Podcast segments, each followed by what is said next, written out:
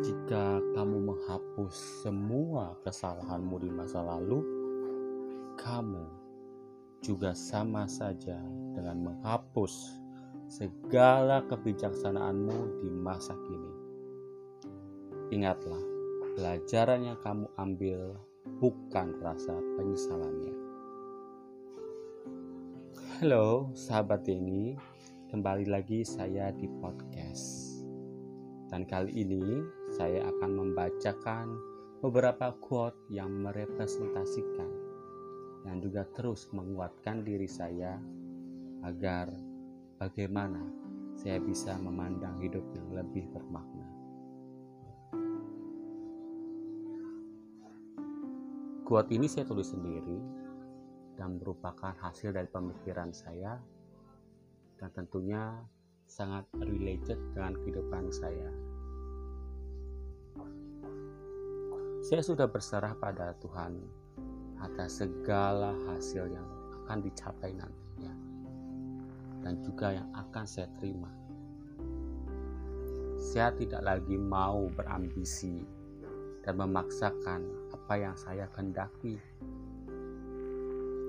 Namun satu hal yang harus diingat adalah melakukan segala sesuatunya secara maksimal, melakukan yang terbaik tanpa harus memikirkan perihal seperti apa hasil akhirnya.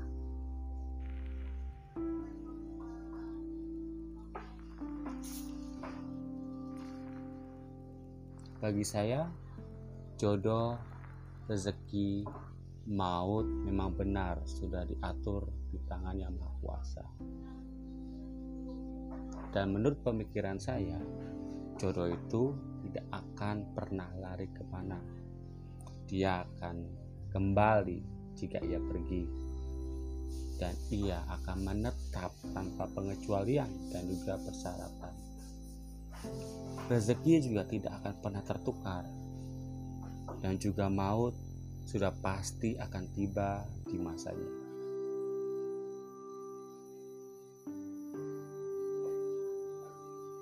Akan menjadi terpuji dan juga hal yang baik apabila kita berbakti pada orang tua, banyak menolong dan berbuat baik.